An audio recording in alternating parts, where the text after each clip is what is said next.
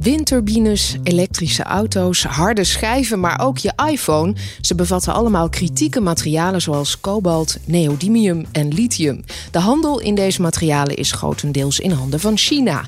Dat heeft al bewezen dat het de toegang tot grondstoffen kan en wil inzetten als geopolitiek wapen. Brussel ziet dit probleem al een tijdje aankomen en presenteerde daarom onlangs de Critical Raw Materials Act. Die moet de Europese grondstoffenafhankelijkheid verkleinen.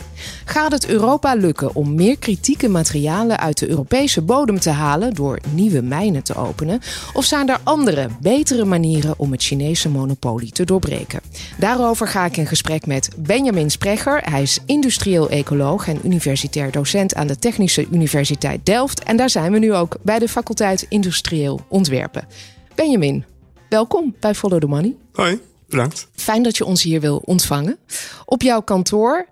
En misschien even leuk om, voordat we de diepte ingaan, een beetje een beeld te krijgen van wat voor materialen dat nou precies zijn. Je hebt je telefoon voor je op tafel liggen, je iPhone. Wat zit daar allemaal in aan kritieke materialen? Er zijn een hele, hele set kritieke materialen die echt voor van alles en nog wat in, in onze economie zitten. En specifiek in telefoons zitten ze vaak zitten neodymium magneetjes. En dat zijn hele sterke magneetjes. En de allersterkste magneten die we kunnen maken als mensheid op dit moment. En hoe sterker de magneet, hoe kleiner het magneetje kan zijn voor dezelfde functionaliteit. Dus daarom zitten ze typisch in mobiele dingen zoals uh, telefoons, laptops en auto's. En in deze telefoon specifiek zitten bijvoorbeeld in de speakers, dus voor geluidsproductie zitten kleine magneetjes. In de camera's voor autofocus, om te kunnen kijken, um, zeg maar alles wat beweegt eigenlijk en wat heel klein moet zijn, er zitten vaak uh, van dit soort magneetjes in. En waar komt het vandaan, dat neodymium? Komt grotendeels uit China. Dus zowel de mijnbouw zit in China als ook de productie van de magneten en alle stapjes tussen mijnbouw en magneet. Vervolgens zijn er ook um, in de chip zitten. Nou, zit letterlijk een hele scala aan materialen zit uiteindelijk in chips. Dus in de PCB's, in de chip zelf. Ja, als je kijkt naar het periodiek systeem, de elementen zitten uh, echt uh, grotendeels zitten ze wel verwerkt in de elektronica. Dus uh, voor elk metaaltje is het maar heel weinig, maar alles bij elkaar bestrijk je eigenlijk bijna alles wat we produceren. En zijn al die grondstoffen, zijn die ook in de Europese grond te vinden? Nou, ik denk, je onderscheid maakt tussen zit het in de grond en kun je het ook uithalen. Dus in hele kleine hoeveelheden zit natuurlijk alles zit wel in de grond. En zeker in Europa, als je naar graniet kijkt bijvoorbeeld, daar zit al, uh, zit al heel veel in. Maar je kan niks uit graniet halen, want het is gewoon graniet. Dus je moet echt kijken naar ertsen waar je economisch uh, uit kan winnen. En dan zie je dat er eigenlijk in Europa niet zo heel veel beschikbaar is. Deels omdat we gewoon al duizenden jaren aan de mijnen zijn hier zo. Dus vroeger had je hele goede kopermijnen, die zijn nu allemaal op. En deels ook omdat het gewoon veel te druk is in Europa. Dus er zijn heel weinig plekken waar je een mijn kan maken. Dus mijnbouw is intrinsiek best wel destructieve activiteit die heel um, veel nou, schade meebrengt en emissies en geluid en heel veel infrastructuur en bewegingen en ja, dat wil je eigenlijk bijna nergens hebben. Nee, ja, want, want dat is wel het mantra van de Europese Commissie. Hè? Made in Europe. Werkt dat dan wel met mijnbouw? Niemand staat te springen als er uh, in zijn of haar achtertuin gegraven wordt. Nee, dus op dit moment wordt 3% van alle materialen die we in Europa gebruiken, althans alle kritieke materialen, komt uit Europa. En de Europese Commissie wil daar richting de 10% van maken. En ja, dan kun je al aanvoelen van 3% is heel weinig. En 10% klinkt ook als weinig. Maar het is wel ruim drie keer zoveel als we nu al aan mijnbouw hebben. En elke mijn die erbij komt, um, levert allemaal krantenkoppen op van de lokale bevolking die uh, aan het protesteren is en zo. Dus ja, dat is wel een uh, flinke kluif om dat uh, voor elkaar te krijgen. Nou, we gaan daar straks wat dieper op in. maar wat je al zegt is, we hebben die grondstoffen nodig. We hebben ze heel hard nodig voor de energietransitie. Want ja. ze zitten niet alleen in je telefoon, maar ook in windturbines, in elektrische auto's. Maar om ze te winnen moeten we milieuschade accepteren. Dat is dus een duivels dilemma. Ja, dus ik kijk, wat we nu hebben is, we hebben nu een systeem wat gebaseerd is op fossiele brandstoffen. En daarbij heb je een bepaald soort infrastructuur nodig en een bepaald soort materialen. En dan in een energietransitie stap je over op een heel andere infrastructuur. En er zitten heel andere metalen in. Dus ja, waar je eerst gasleidingen had, had je nu dus windturbines. En windturbines, ik had net over neodymium magneetjes in mijn telefoon. Nou, die zijn echt heel erg klein. Maar in een windturbine op zee, er zit gewoon 10 ton, 15 ton aan, aan dat soort magneten in. Dat zijn echt enorme hoeveelheden. En die moet je dus produceren. En dan als je ze eenmaal geproduceerd hebt en in die windturbines hebt gezet, dan staan die op zee, die staan er 20 jaar. Dus op zich is dat prima. En dat is natuurlijk uh, veel beter dan de hele tijd maar kolencentrales aan de praat houden. Maar in die opbouwfase moet je dus wel een gigantische hoeveelheid extra materialen produceren. En daar zit een beetje die, um, die discussie nu in. Zowel aan de milieukant, van oké, dan accepteer je dus wat extra milieuschade uh, om die energietransitie te volbrengen. Maar ook aan de uh, afhankelijkheidskant. Dus voor onze fossiele brandstoffen zijn we enorm afhankelijk van Midden-Oosten, Rusland, zoals we gezien hebben. En um, wat de Europese Commissie heel graag wil, is dat we niet diezelfde fout nog een keer maken.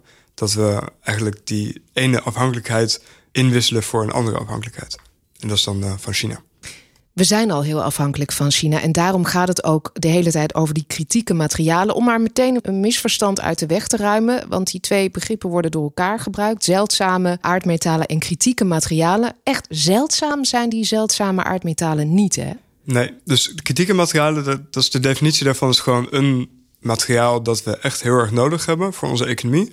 En waarvan de toevoer op de een of andere manier risicovol is. Dus het draait vooral om beschikbaarheid. Ja, ja, ja, precies. Dus het hoeft niet per se te zijn dat het opraakt. Het kan ook zijn dat het bijvoorbeeld uit Congo komt en dat er daar een groot risico is op een burgeroorlog. Of dat het uit Rusland komt of uit China komt, dat die landen gewoon het niet aan ons willen leveren. Dat is natuurlijk iets anders dan dat het er fysiek niet meer is in de grond. Maar uiteindelijk is het effect hetzelfde, namelijk dat wij het niet hebben.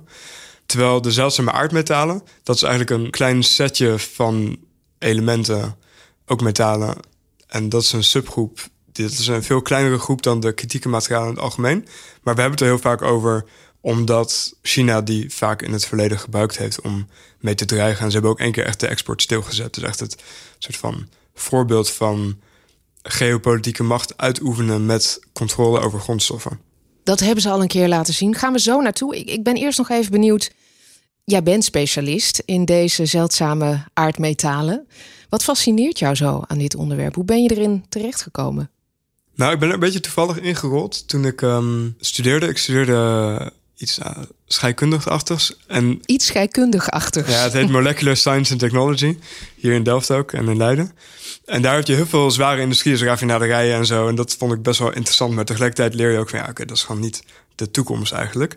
En toen via mijn scriptie kwam gewoon toevallig een keer... een van mijn docenten had het vaak over kritieke materialen... en de energietransitie. Vond ik wel interessant, dus ik dacht, nou, ik doe hier gewoon mijn scriptie over. En toen gebeurde net um, dat hele drama met China... die dan stopte met exporteren van die neodymium-magneten. Dus toen viel ik een beetje met mijn neus in de boter. En toen dacht ik, wauw, dit is best wel boeiend. En toen uh, ben ik daar ook in gaan promoveren... En ben blijven plakken. Daar ben ik heel blij mee. Je hebt het al uh, een paar keer genoemd. Er was één moment waarop de, eigenlijk was het een soort wake-up call hè, voor Europa. Waarop uh, Europa besefte, we zijn wel heel erg afhankelijk van China als het gaat om kritieke materialen. Wanneer was dat? 2010, 2011. Toen kregen Japan en China ruzie over een aantal kleine eilandjes. De Senkaku-eilanden. Ja, exact. De Chinezen hebben weer een andere naam voor. En daar was een Chinese vissersboot, was daar aan het vissen. En Japan claimde dat als territoriale wateren. Dus die arresteerde die Chinese, de kapitein van de vissersboot. En toen zeiden de Chinezen, ho eens even, jullie kunnen helemaal niet iemand arresteren op ons grondgebied. En toen zei China, oké, nou in totaal ongerelateerde administratieve problemen... Uh, staan alle containers met zeldzame aardmetalen staan nu stil op de haven. En uh, ja, we moeten even kijken of dat allemaal wel klopt in de papieren. Toen kreeg niemand meer die zeldzame aardmetalen. Nou, dat ging natuurlijk helemaal fout. Dus die prijs die ging echt duizend procent omhoog in, uh, in een paar weken. En zijn ook echt best wel veel fabrieken die ofwel moesten sluiten...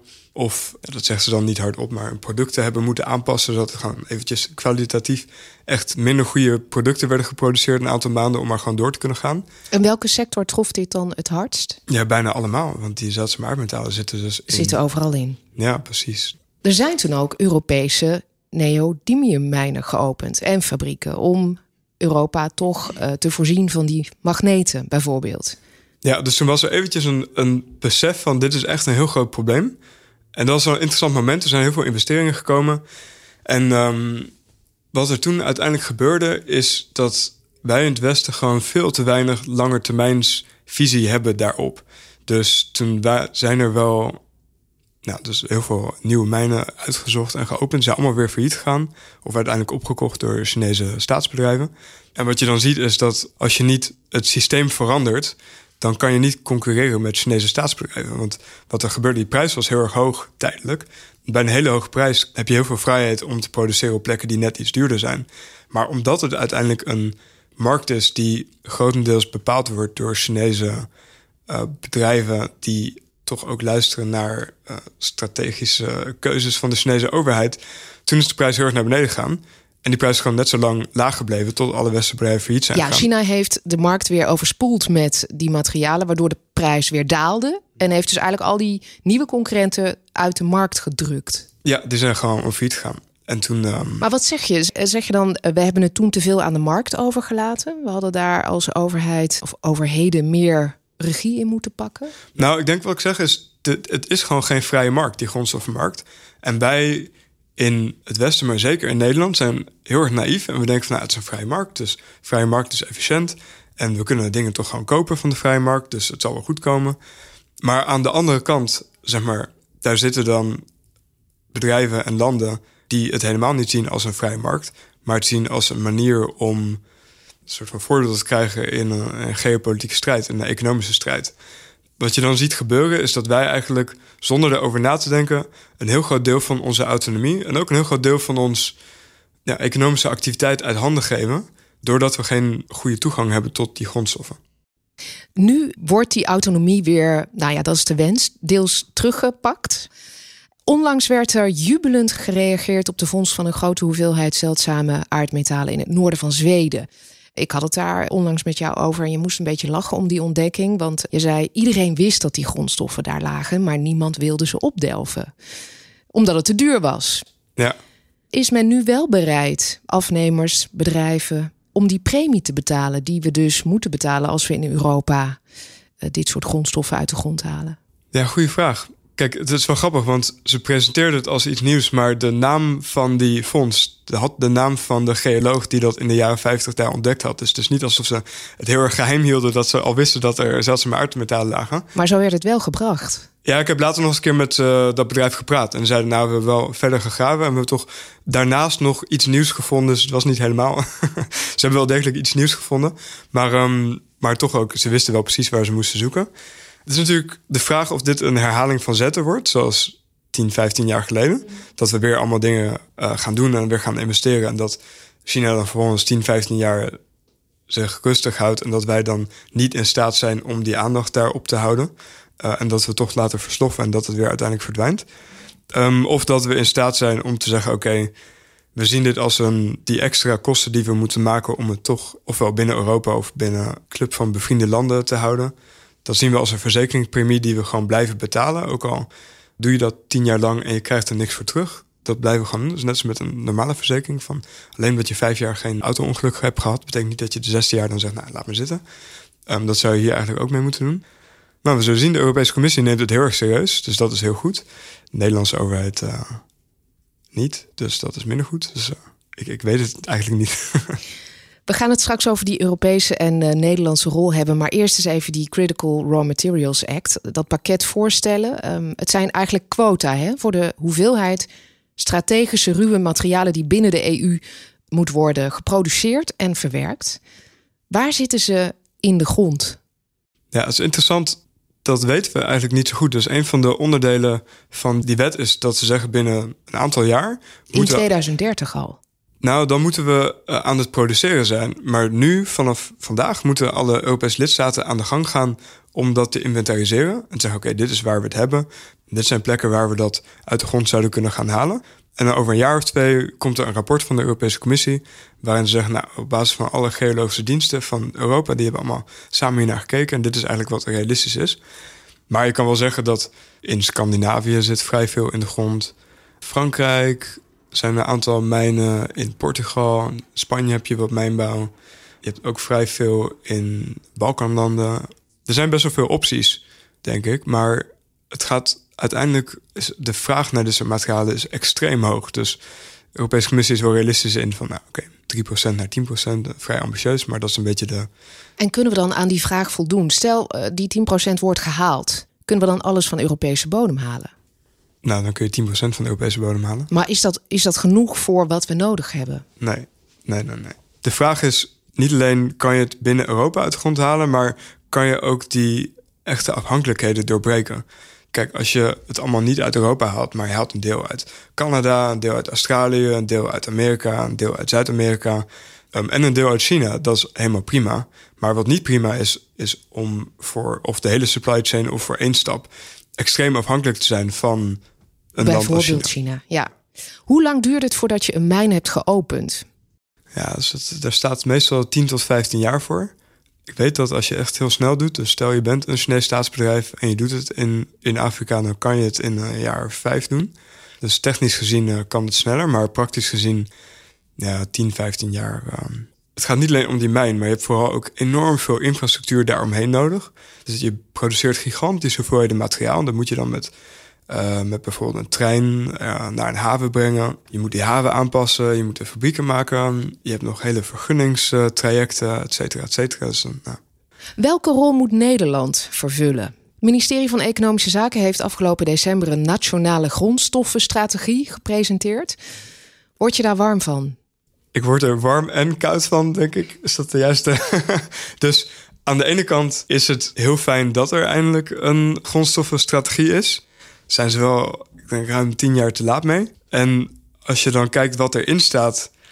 Ja, zoals heel vaak in, in Nederlands beleid zijn het soort van op lange termijn vrij ambitieuze statements. Zoals eh 50% circulair, 100% circulair op lange termijn. Eh, nou, heel goed. Maar dan vervolgens de invulling van... oké, wat gaan we nou daadwerkelijk doen om dat te bereiken? Daar is zover ik zie niet zo goed over nagedacht. En als je dan kijkt naar daadwerkelijk wat er gebeurt in Nederland... zie je dat er helemaal geen coherentie zit in beleid. Dus je zal toch naar een bepaalde mate van industriepolitiek moeten gaan.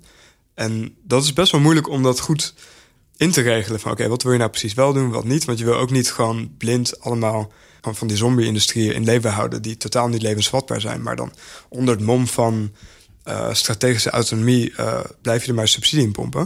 Dat is natuurlijk een heel slecht idee. Daar is iedereen heel bang voor. Dus dat is e- echt een enorme uitdaging om dat, om dat goed in te regelen. Ik denk dat je ook moet accepteren dat als je dat doet... dat je nooit helemaal perfect kan doen. Dus waar we nu een systeem hebben ontworpen... waarin je eigenlijk zo min mogelijk eh, verkeerde subsidies toekent. Want we geven helemaal geen subsidie, dus het kan ook niet fout gaan. Er kan geen enkele politicus worden aangewezen op van... hey, jij hebt eh 100 miljoen subsidie in een bedrijf gepompt... wat voor ons failliet is gaan. Dat, dat, vinden, maar, dat, dat komt slecht over in de media. Dus dat gebeurt nu niet. Maar daardoor krijg je wel zo'n sluipend effect... dat heel veel economische activiteit weglekt naar het buitenland... en dat we steeds meer strategische eh, autonomie kwijtraken. Ik denk dat je nu een perfect voorbeeld hebt gezien met Oekraïne en Rusland. Dat gaat dan weliswaar over aardgas, maar dat is exact hetzelfde principe. Wij hebben daar niet goed op gelet. En we hebben steeds meer autonomie uit handen gegeven in ons energiesysteem. En Rusland zag dat als een mooie kans om iets te doen, geopolitiek, wat, wat wij niet oké vinden. En vervolgens willen wij daar niet in meegaan. We zeggen, oké, we gaan blijven toch Oekraïne steunen in die oorlog. En daar hebben we echt enorme economische schade in opgelopen. En dit keer zeggen we nog van, nou die schade accepteren we dat. Maar ik denk dat op dit moment wij niet in staat zijn om diezelfde beslissing te maken als China bijvoorbeeld Taiwan binnenvalt. We zijn zo afhankelijk van China voor dit soort materialen dat het geen optie is voor ons om die keuze te maken. En ehm, ik zou toch hopen dat wij met z'n allen het ermee eens zijn dat we dat liever niet hebben. En een ander punt is dat het ook heel asymmetrisch is. Dus je bespaart een heel klein beetje geld. En bijvoorbeeld die zeldzame aardmetalen industrie, best wel klein. Dan heb je het over misschien een paar miljard of zo per jaar. Het is echt een hele kleine industrie. Maar de economische schade die je daarmee oploopt als dat fout gaat, is vele malen groter. Dus bijvoorbeeld de, die telefoon die ik mijn handen heb, kost ruim 1000 euro. Zit misschien voor 10 cent of zo aan zeldzame aardmetalen in. Maar als je die 10 cent niet krijgt, dan ben je dus 1000 euro aan product kan je niet produceren. En ik denk dat dat ook is waarom China dit zo'n heel dankbaar onderwerp vindt om te gebruiken als geopolitiek machtmiddel. Het is een heel goedkope manier om gigantische hoeveelheid macht uit te oefenen over heel veel landen. Kijk, als alleen Nederland geen actieve rol speelt in die waardeketen, dan kan je je afvragen als Europa, als de Europese Unie dat als geheel oppakt, dan hoeft dat niet misschien, misschien niet zo erg te zijn. Europa bestaat uit de lidstaten en Nederland is misschien in termen van oppervlakte niet zo groot, maar zeker in termen van economie is het gewoon best wel een groot land. En we hebben een enorme rol in logistiek en infrastructuur en ook in recycling uh, heeft Nederland een groot percentage van de totale recycling van, van Europa. Uh, dus ik denk dat zowel ethisch gezien moeten wij onze verantwoordelijkheid nemen op een bepaald vlak. Tegelijkertijd, Nederland heeft, heeft ook een bepaalde strategische autonomie. Wij willen ook wat te betekenen hebben. Je wil niet alles overlaten aan een Duitsland en een Frankrijk. En dat is wel effectief wat je doet als je dit helemaal uit handen geeft. En we hebben gewoon een hele mooie industriële basis. Wat, waar het heel zonde zou zijn om daar niks mee te doen. Dus Nederland heeft toch relatief veel, vooral kennis, maar ook best wel veel verwerkingscapaciteit en fabrieken op dit gebied. Duidelijk. Niet alleen Europa wil minder afhankelijk worden van één land, van China vooral, maar dat willen andere landen ook. Kijk naar de Verenigde Staten bijvoorbeeld. En China blijft natuurlijk wel in de tussentijd investeren. Grijpen multinationals dit ook aan om landen tegen elkaar uit te spelen? Kijken waar de meeste overheidssteun zit? Dat is een hele goede vraag. Ik denk dat multinationals iets verder in de, in de keten, die doen het zeker wel. Dus een van de manieren waarop economische activiteit weglekt, is dat als jij een multinational bent en je maakt een wasmachine, dan maakt het jou helemaal niks uit waar die fabriek staat. Dus dan hou je die gewoon weg uit Polen en zet je met China neer. Want China zegt, nou, we hebben supergoed industrieel ecosysteem van allemaal goedkope arbeid en, goede toeleveranciers. En uh, als je fabriek in Europa staat, dan gaat die af en toe dicht omdat je je materiaal niet krijgt. En in China gebeurt dat niet. Um, dus daar zit dat zeker. Er zit een heel groot element van landen tegen elkaar uitspelen. Mijnbouw, ik denk dat mijnbouwers, als je daarmee praat, dat ze vooral heel gefrustreerd zijn door westerse overheden. Want wat wij dan bijvoorbeeld doen, is we zeggen hele ambitieuze targets zetten we neer. Alleen maar elektrische auto's in 2030. Uh, duizenden windturbines 20, tussen 2030 en 2040. Daar heb je gigantische hoeveelheden van materiaal voor nodig. Kobalt, lithium, zelfs aardmetalen. Maar wat we ook weten is dat als het erop aankomt, dat het totaal niet betrouwbaar is. Dus zeker de Nederlandse overheid heeft er een handje van om heel ambitieuze targets te zetten vrij ver in de toekomst. En dan als die toekomst er is, dan zeggen ze: Oh, nou ja, we hebben niks gedaan de afgelopen tien jaar. Laten we maar even uitzetten. Dat zie je nu ook typisch bij stikstof. Weet je, laten we het niet 2030 doen, maar 2035. En als jij een mijnbouwbedrijf bent en je moet gigantische investeringen doen die zich pas over 10 tot 15 jaar terugbetalen, dan wil je wel zeker weten dat die vraag er ook e-, echt is. En als je dan deelt met overheden die gewoon niet in staat zijn om dat echt vast te leggen, en gewoon hele vage termen gebruiken, zoals het is de ambitie dat, terwijl ze in het verleden en in andere dossiers laten zien dat die ambitie eigenlijk betekent dat het gewoon niet gaat gebeuren. Doet Amerika dat beter? Want Europa werd natuurlijk ook opgeschikt door de Inflation Reduction Act van eh, Biden, die dus ook staatssteun en belastingvoordelen geeft aan bedrijven die uh, iets in de groene technologie doen op Amerikaanse bodem. Ja, dus Amerika doet het. Ik denk dat ze een stuk voortvarender zijn in dit dossier. Dus dat ze inderdaad gewoon veel meer zeggen van, nou, dit is echt een probleem. Oké, dat gaan we nu oplossen. En Amerika heeft, ook wel, heeft het ook veel makkelijker, omdat ze, ze hebben het Amerikaanse leger. En dat is de allergrootste inkooporganisatie op de planeet. Dus de Defense Logistics Agency. En die kunnen natuurlijk veel meer op deze manier gecoördineerd uh, acteren. Dus die kunnen gewoon zeggen, nou, alles wat wij inkopen moet in elk geval uit uh, Amerika komen. En dat is zo gigantisch veel. En in de defensiewereld heb je iets minder die hele hoge prijsdruk van hele, hele flinterdunne marges. Dus dan is het wat makkelijker om te zeggen, nou, produceren we gewoon in Amerika. En ze hebben ook veel meer mogelijkheden tot mijnbouw binnen Amerika. is veel groter en veel leger. Maar ook als je dat allemaal in oogschouw neemt, dan nog denk ik dat Amerika wel gewoon een stuk beter doet dan Europa. Ja. Je zei net al, het wordt een hele klus om die doelstellingen te halen die Brussel nu eh, heeft neergelegd. 10% van de mijnbouw, 40% van de verwerking van eh, kritieke materialen moet in 2030 plaatsvinden in Europa. Dat is eigenlijk al niet te halen, want het bouwen van een mijn kost al 10 jaar. Waarom leggen ze dan dat soort um, enorm ambitieuze doelstellingen neer? Nou, het is een combinatie van het is ambitieus om aan te geven van er moet echt wat gebeuren. Um, en dit is echt heel belangrijk, jongens. Uh, word even wakker. Het is ook om aan te geven van dit is hoe ver weg we zijn van waar we zouden moeten zijn. En ik denk vooral, wat namelijk ook wel interessant is, als je echt de tekst leest van die acts, dan staat er ook in dat er heel veel monitoring moet gebeuren. Um, dus dat is denk ik meer van, oké jongens, we gaan heel hard aan het werk en dit is de richting, dit is de stip op de horizon. En 2030 lekker ambitieus, dus uh, ga vooral elkaar rennen. Maar wat wel verplicht is, is dat ze zeggen, en nu moeten landen heel erg goed gaan monitoren wat er nou eigenlijk aan de hand is. Wat zijn de mogelijkheden?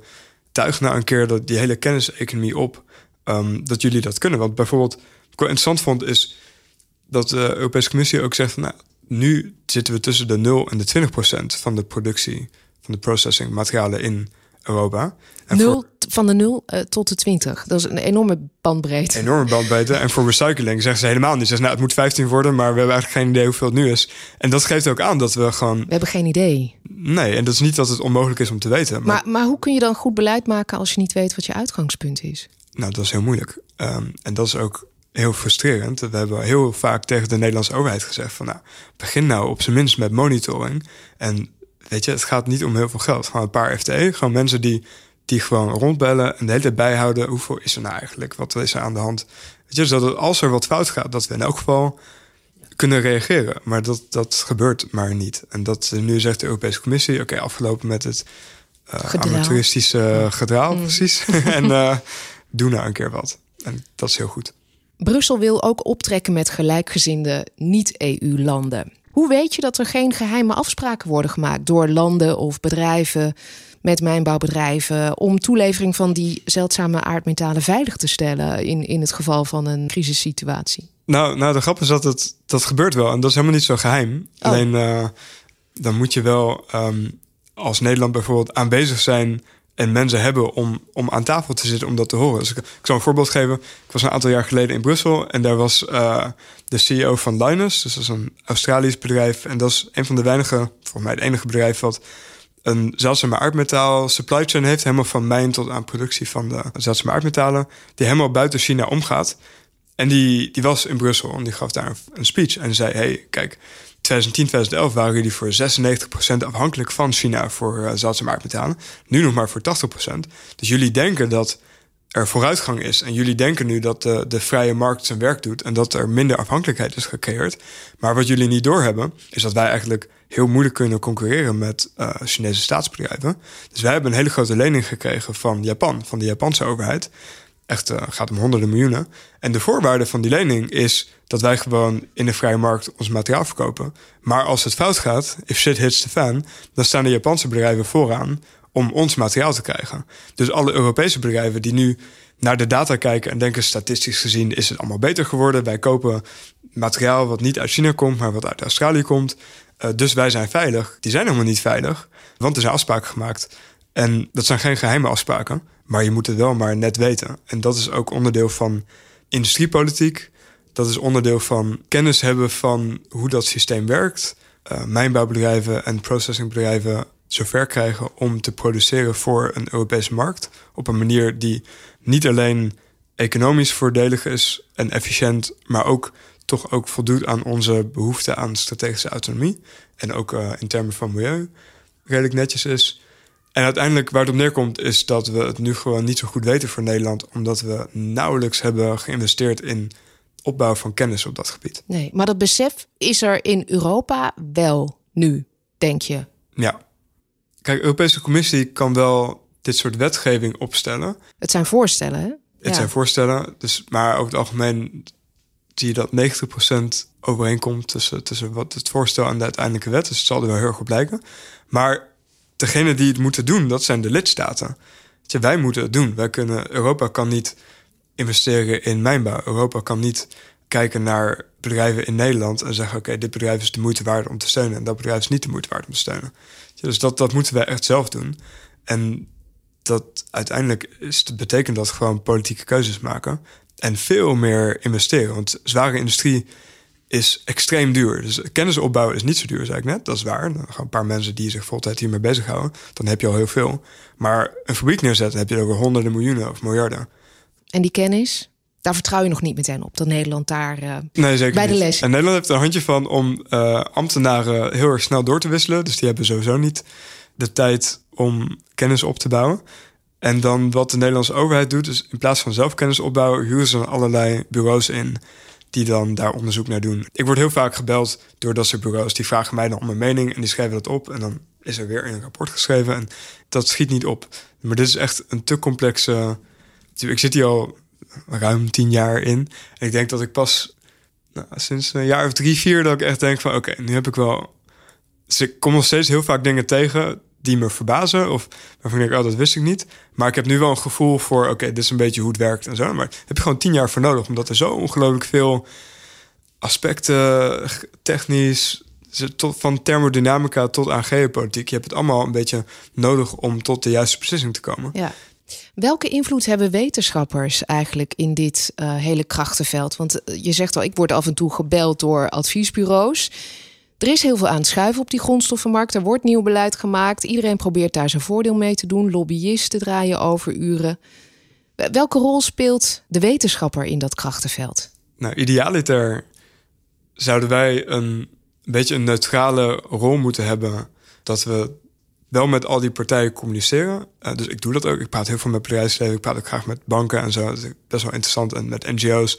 Gewoon dat je zegt, oké, er zijn allemaal verschillende bedrijven... en allemaal verschillende partijen. Die hebben allemaal hun eigen belang. En dit is hoe dat eruit ziet. En de wetenschap idealiter zou doen... is dan gewoon zeggen, oké, dit, dit zijn opties die we hebben... En als we deze kant op gaan, gebeurt er waarschijnlijk dat. En als we die kant op gaan, gebeurt er waarschijnlijk iets anders. Ehm, een beetje schetsen van wat de opties zijn. En dan is het aan de maatschappij, aan de politiek om dan die keuzes te maken. En ik denk ook dat het heel belangrijk is dat de wetenschap de vinger aan de pols houdt. Want uiteindelijk gaat het over een super onzekere situatie waarin heel veel dingen heel snel kunnen verschuiven. Mm Dus dat wij vinger aan de pols houden en zeggen: Oké, eh, vorig jaar zeiden we dit, maar nu is er opeens een oorlog in Oekraïne en nu is de situatie veranderd. Dan kunnen we opnieuw kijken naar wat dan de beste opties zouden moeten zijn. Ik denk wat wel een probleem is, is dat wij nou, sowieso, ik denk dit is niet alleen voor dit gebied, maar in het algemeen worden wetenschappers enorm overvraagd. Dus we krijgen veel te veel, nou, wordt in essentie steeds verder niet alleen bezuinigd in termen van geld, maar vooral er komen steeds meer taakjes bij. Hoeveel tijd besteed ik nou daadwerkelijk aan onderzoek doen? Misschien 5 of 10 procent. En dan heb ik het over mijn weekenduren. Dus je doet nauwelijks meer onderzoek. Dan heb ik al die tijd ben ik hierin opgeleid, steeds meer kennis opgebouwd. Nu heb ik eindelijk het gevoel van nu weet ik waar het over gaat. En dan heb je nauwelijks meer tijd om zelf onderzoek te doen. En dat komt omdat we in Nederland, in de hele wereld, maar zeker in Nederland, een systeem voor wetenschap hebben opgebouwd. Waarin er heel veel klusjes zijn. Je moet het onderzoeksvoorstellen schrijven, die worden het afgewezen. Je moet het in consortia werken met bedrijfsleven samen. En dat is op zich prima als er geen hele urgente problemen zijn. Maar als er dan opeens iets gigantisch fout gaat, dan komen de ambtenaren bij mij op de lijn en zeggen: hey, uh, bijvoorbeeld, wat moet Nederland nou doen? Want er komt opeens een uh, European Critical Raw Materials Act. Wat is nou, weet je, wat zou Nederland moeten doen? Nou, een goede vraag heb ik ook gevraagd gekregen van uh, Kamerleden en van ambtenaren. En dan moet ik zeggen: ik heb geen idee. Want ik heb de afgelopen tien jaar helemaal geen tijd gekregen om hierover. Ik heb er wel bedacht dat dit belangrijk is om over na te denken. Maar ik heb niet vervolgens de tijd, de capaciteit gehad om dat echt te doen. En dat is omdat ja, dat is gewoon de manier waarop de wetenschap is ingeregeld tegenwoordig. Ja, jij zou meer tijd aan onderzoek willen uh, spenderen. Jij doet wel onderzoek, maar daarin werk je dus ook vaak samen met het bedrijfsleven, zei je. Op welke manier? Nou, wat ze in Nederland gezegd hebben, is ik denk een beetje een, een beweging van. Vroeger kregen wetenschappers gewoon standaard geld van de overheid. Eerste geldstroom heet dat. Maar um, wat er dan ook wel uitkwam, is dat je best wel ja, raar onderzoek krijgt van mensen die gewoon totaal onzinnige dingen aan het doen zijn. En de rest, nou, dus dat is dan een beetje verspilling van gemeenschapsgeld. En dan zie je zo'n beweging, zeker in Nederland, wat allemaal. Alles moet allemaal efficiënt en nuttig zijn. Mhm. Dus dan hebben ze allemaal systeempjes opgetuigd om ervoor te zorgen dat wetenschap altijd nuttig is. En vooral dat als er geld wordt geïnvesteerd in wetenschap, dat niemand dan kan zeggen van oh, dit was weggegooid geld. Dat ze daar op worden afgerekend. Validatie heet dat, hè? Ja, precies, validatie. En dan een van de manieren waarop je dat doet, is dat je dan zegt: oké, nou, je onderzoeksvoorstel indienen, maar niet gewoon in mijn eentje, maar met een consortium. En in dat consortium zit dan vaak bedrijfsleven. Ik heb denk niet dat het altijd hoeft, maar ik heb persoonlijk denk nog nooit een onderzoeksvoorstel ingediend waar bedrijfsleven niet in zat. En die worden dan gevraagd om 10 of 20 procent cofinanciering in te dienen. En dan wordt ook echt door NWO, dus de, de organisatie die dat geld uitdeelt, mhm. wordt dan ook gekeken van oké, zijn bedrijven bereid om mee te financieren? Dat gaat dan niet om heel veel geld. Maar als je dat niet voor elkaar krijgt, als je niet een bedrijf vindt wat jouw onderzoek de moeite waard vindt, dan kan je dus, uh, je kan wel een voorstel indienen, maar de kans dat je dat uh, overheidsgeld krijgt is heel laag. Ja. Maar het effect daarvan is dat wij dus met z'n allen geketend zitten aan bedrijfsleven voor eigenlijk een habbekrat, moeten we de hele tijd doen wat het bedrijfsleven nuttig vindt. En dit, dit want, want zij doen natuurlijk mee uh, als jij onderzoek gaat doen naar iets waar zij baat bij hebben. Dus zij bepalen ook waar er onderzoek ja, naar wordt gedaan.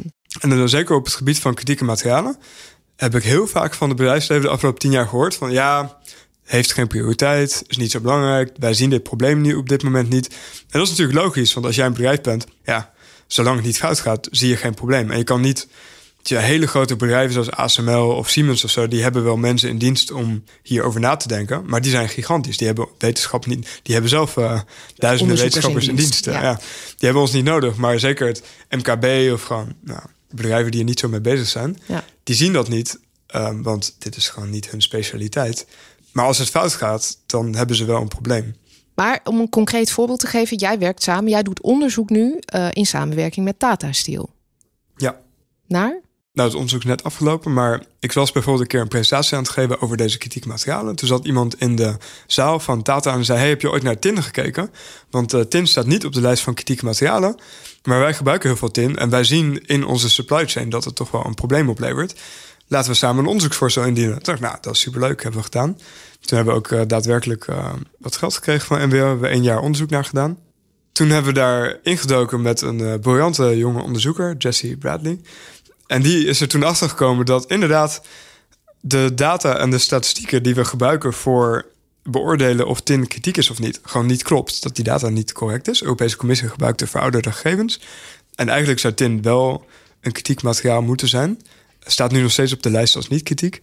En um, nu is data ook bezig om veel minder tin te gebruiken in hun productieproces, omdat ze zien dat daar problemen zijn. Dus ik vind het wel een mooi voorbeeld van dat het bedrijfsleven bij ons aanklopt en dat wij dan met subsidie daar tijd in steken om dat helemaal uit te zoeken tot op de bodem. En dat zo'n bedrijf dan zegt, nou oké, op basis daarvan gaan we verandering doorbrengen. Dus het is zeker niet altijd slecht. Ik zou niet ervoor pleiten dat we helemaal niet met bedrijfsleven moeten samenwerken. Maar... maar jij stelt jezelf natuurlijk wel elke keer ook de vraag: hoe blijf ik wetenschappelijk onafhankelijk? Um, hoe ga je om met de eventuele schijn van belangenverstrengeling? Ja, zeker. Ik denk dat is. Uh... En wat zijn daar dan de afwegingen in? Ja, ik vind het, het is heel ingewikkeld. Want kijk, je hebt meerdere soorten belangenverstrenging, denk ik. De, de, de echt harde belangenverstrenging, dat zie je bijna nooit. Dus dat ik uh, in de medische wereld aan een medicijn werk en ik ben eigenaar van de patent voor dat medicijn en ik zorg ervoor dat dat onderzoek laat zien dat dat medicijn goed werkt. Dus ik pleeg eigenlijk wetenschappelijke fraude omdat ik daar geld aan verdien. Wat veel vaker gebeurt is dus dat enerzijds het bedrijfsleven dus eigenlijk voor een heel groot deel bepaalt waar wij onderzoek naar kunnen doen. Ik voel dat wel af en toe dat ik denk, dit is een heel belangrijk onderwerp. Maar ja, dit is gewoon echt niet iets wat het bedrijfsleven wil horen. Dus of ik kleed het heel erg in. Ik zeg, nou, we gaan hier naar kijken. En dan schrijf ik in een half zinnetje erbij... oh, en als we wat tijd over hebben... dan kijken we ook nog naar onderwerp X, Y, Z. En dan zorg ik ervoor dat we heel veel tijd over hebben... om dat ook daadwerkelijk te doen. Maar toch voel je wel een beetje die zelfcensuur...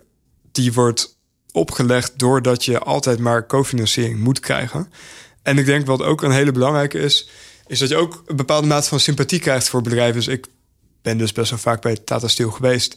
En ik merk dat ik in discussies met milieuactivisten en zo... gewoon veel meer sympathie heb voor een bedrijf als Tata Steel. En dan, als ik heel eerlijk ben, dan kijk ik naar mezelf... denk ik, nou, deels is dat ook terecht. Omdat een bedrijf als Tata Steel veel meer is dan alleen maar wat emissies die niet in de vergunning staan en wat vervuiling die, die we liever niet willen. Maar het is ook gewoon een hele belangrijke speler in het Nederlandse kennisecosysteem. En een hele belangrijke speler in onze economie en die geopolitieke afhankelijkheid. Zo, dat heb je dat soort bedrijven nodig. Maar tegelijkertijd kan ik niet 100% uitsluiten dat ik het ook gewoon sympathiek vind, omdat ik met ze samenwerk zijn gewoon hele aardige mensen daar. Dus daar zit ook een bepaalde mate van. Hm, oké, hoe doe je dat precies? Maar ja, dat is dan het alternatief dat je niet meer samenwerkt met bedrijfsleven. Dat is ook geen optie.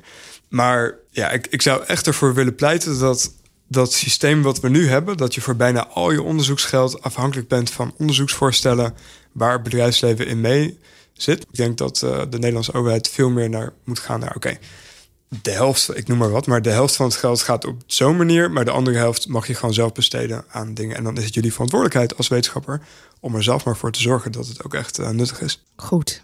Terug naar de zeldzame aardmetalen. Schaarste is een vraag-aanbod kwestie.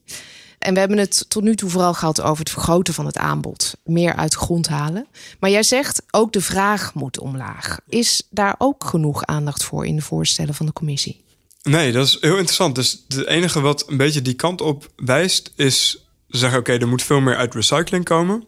Oké, prima. Dat is, dat is natuurlijk altijd een goed idee. En er staat ook van, we willen kijken naar circulaire economie maatregelen. En als je dan kijkt naar dat, dat daar staat dan bij vraagvermindering. Maar het wordt heel erg indirect genoemd. Er staan geen targets bij en zo. En dat is doodzonde. Want natuurlijk de allermeest efficiënte manier om minder zeg maar, extreem grote vraag te hebben... is door gewoon minder materiaal te vragen. Ik denk als je met de industrie praat, dan zeggen mensen vaak van... nou, op zich, materialen zijn nu heel goedkoop... En de manier waarop wij producten ontwerpen en de manier waarop onze economie werkt, is het voor ons veel voordeliger om gewoon net iets te veel materiaal te gebruiken. In plaats van heel veel moeite te steken in precies de juiste hoeveelheid materiaal te gebruiken. Dan zie je dat je makkelijk 20 tot 30 procent minder materiaal zou kunnen gebruiken voor exact dezelfde economische activiteit. En als je dat vergelijkt met enorm veel moeite doen om van 3 procent naar 10 procent mijnbouw in Europa te gaan, of gigantisch veel moeite doen om die, nou, wat de Europese Commissie zegt, we willen 15% van onze vraag voldoen aan uit recycling. Nou, als je dat vergelijkt met 20 tot 30% materiaal wat je gewoon minder kan gebruiken. Door ander productontwerp. Ja, door gewoon net een beetje product om te gaan. Dat staat natuurlijk, ik vind dat vrij tragisch dat daar helemaal geen aandacht voor is. Ja, en als je dan kijkt naar die enorme opgave van de energietransitie. Je noemde hoeveel ton neodymium er in een windturbine zit kan je dan wel de vraag verminderen als je zoveel materiaal nodig hebt voor die energietransitie? Ja, het verschilt natuurlijk heel erg per product waar je naar kijkt. Dus niet zoveel algemeens over te zeggen. Maar bij windturbines kan je wel bijvoorbeeld kijken naar... kan je ze zo ontwerpen dat al die neodymium-magneten die erin zitten... dat je die aan het eind van de rit gewoon weer kan hergebruiken. Um, dat is op dit moment hebben ze daar niet echt over nagedacht. Dus ik weet dat in de allernieuwste tenderregels voor de nieuwe uh, windturbinepark op Noordzee, daar staan opeens wel circulaire economie regels in, waarin ook staat oké, je moet nadenken over hoe dat gaat gebeuren. Dus dat is op zich wel langzaam vooruitgang. Maar je kan nu al hele grote stappen maken door bijvoorbeeld, als je het weer over telefoons hebt, heel veel telefoons gaan twee jaar mee, omdat ze na twee jaar geen security updates meer krijgen. Maar verder is er niks mis met die telefoon. Heel veel telefoons, de batterij is na een jaar of twee, drie kapot. Maar die kan je heel makkelijk vervangen als die telefoon zo ontworpen is dat die batterij niet helemaal vastgelijmd zit in die telefoon. En daarmee kan je enorme vermindering van de vraag voor elkaar krijgen zonder enig verschil in onze levenskwaliteit. Zeker met bijvoorbeeld een laptop. Ja, of die laptop nou twee jaar of vier jaar meegaat.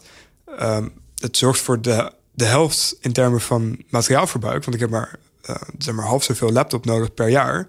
Maar, de, zeg maar mijn ervaring van een laptop gebruiken verandert nauwelijks als het een goed ontworpen laptop is.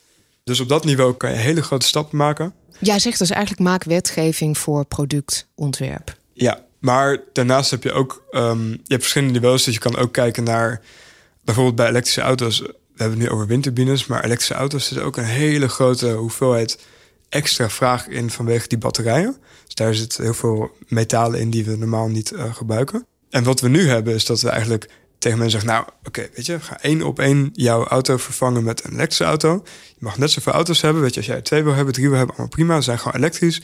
kan je lekker hard mee uh, accelereren, is alleen maar fijn. Dus dan maak je eigenlijk een...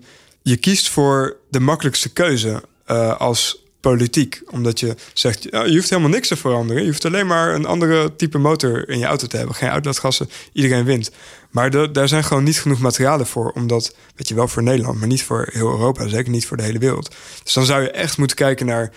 oké, die tweede auto die je misschien maar één keer per week of één keer per maand gebruikt. Als je daar nou een deelauto van maakt. Dat je in elk geval je omgeving zo ontwerpt dat het voor mensen mogelijk is om het OV te gebruiken als dat nodig is. Dus op dat niveau kan je heel erg veel grote stappen maken. Er gaat niemand gaat erop achteruit in termen van levenskwaliteit, maar in termen van de hoeveelheid materiaal die je nodig hebt om die levenskwaliteit te behalen. Dit gaat veel verder dan productontwerp. Dit is uh, gewoon een systeemontwerp. Ja, ja. Ja, ja, ja. Maar je hebt dus allemaal nodig. Je hebt alles van systeemontwerp tot productontwerp tot aan kleinere keuzes zoals wat voor type plastic zit erin. Dan weet je zeker dat het precies dat plastic is wat op de verpakking staat en zo. Ja. collega van mij had ook nog wel een idee. Uh, die las over single-use vapors, elektronische sigaretten, waar lithium in zit. Nou, dat hebben we hard nodig, wordt gewoon na één keer weggegooid. Ja. Nou, ik denk het meest tragische voorbeeld zijn de heliumballonnen. helium is, is denk ik het enige element wat echt, echt schaars is. Want helium is lichter dan, dan zuurstof en lucht. Dus als je een heliumballon leeg laat lopen, dat helium verdwijnt in de atmosfeer en gaat de ruimte in. Dus komt echt nooit meer terug. En hebben we heel weinig van. Het is ook super belangrijk voor bepaalde medische toepassingen. En dan stop je het in, in ballonnen. waar kinderen mee spelen. Ik vind, nou, dat is echt, uh, dat zou echt verboden moeten zijn. Dus ja, ehm, ik kan ook niet anders zeggen dan als je grondstoffen serieus neemt, dan moet je ook, weet je, het is niet heel veel, maar voor een aantal dingen moet je gewoon zeggen, nee, doe het gewoon niet. Ja. Benjamin Sprecher, dankjewel voor dit gesprek. Geen dank.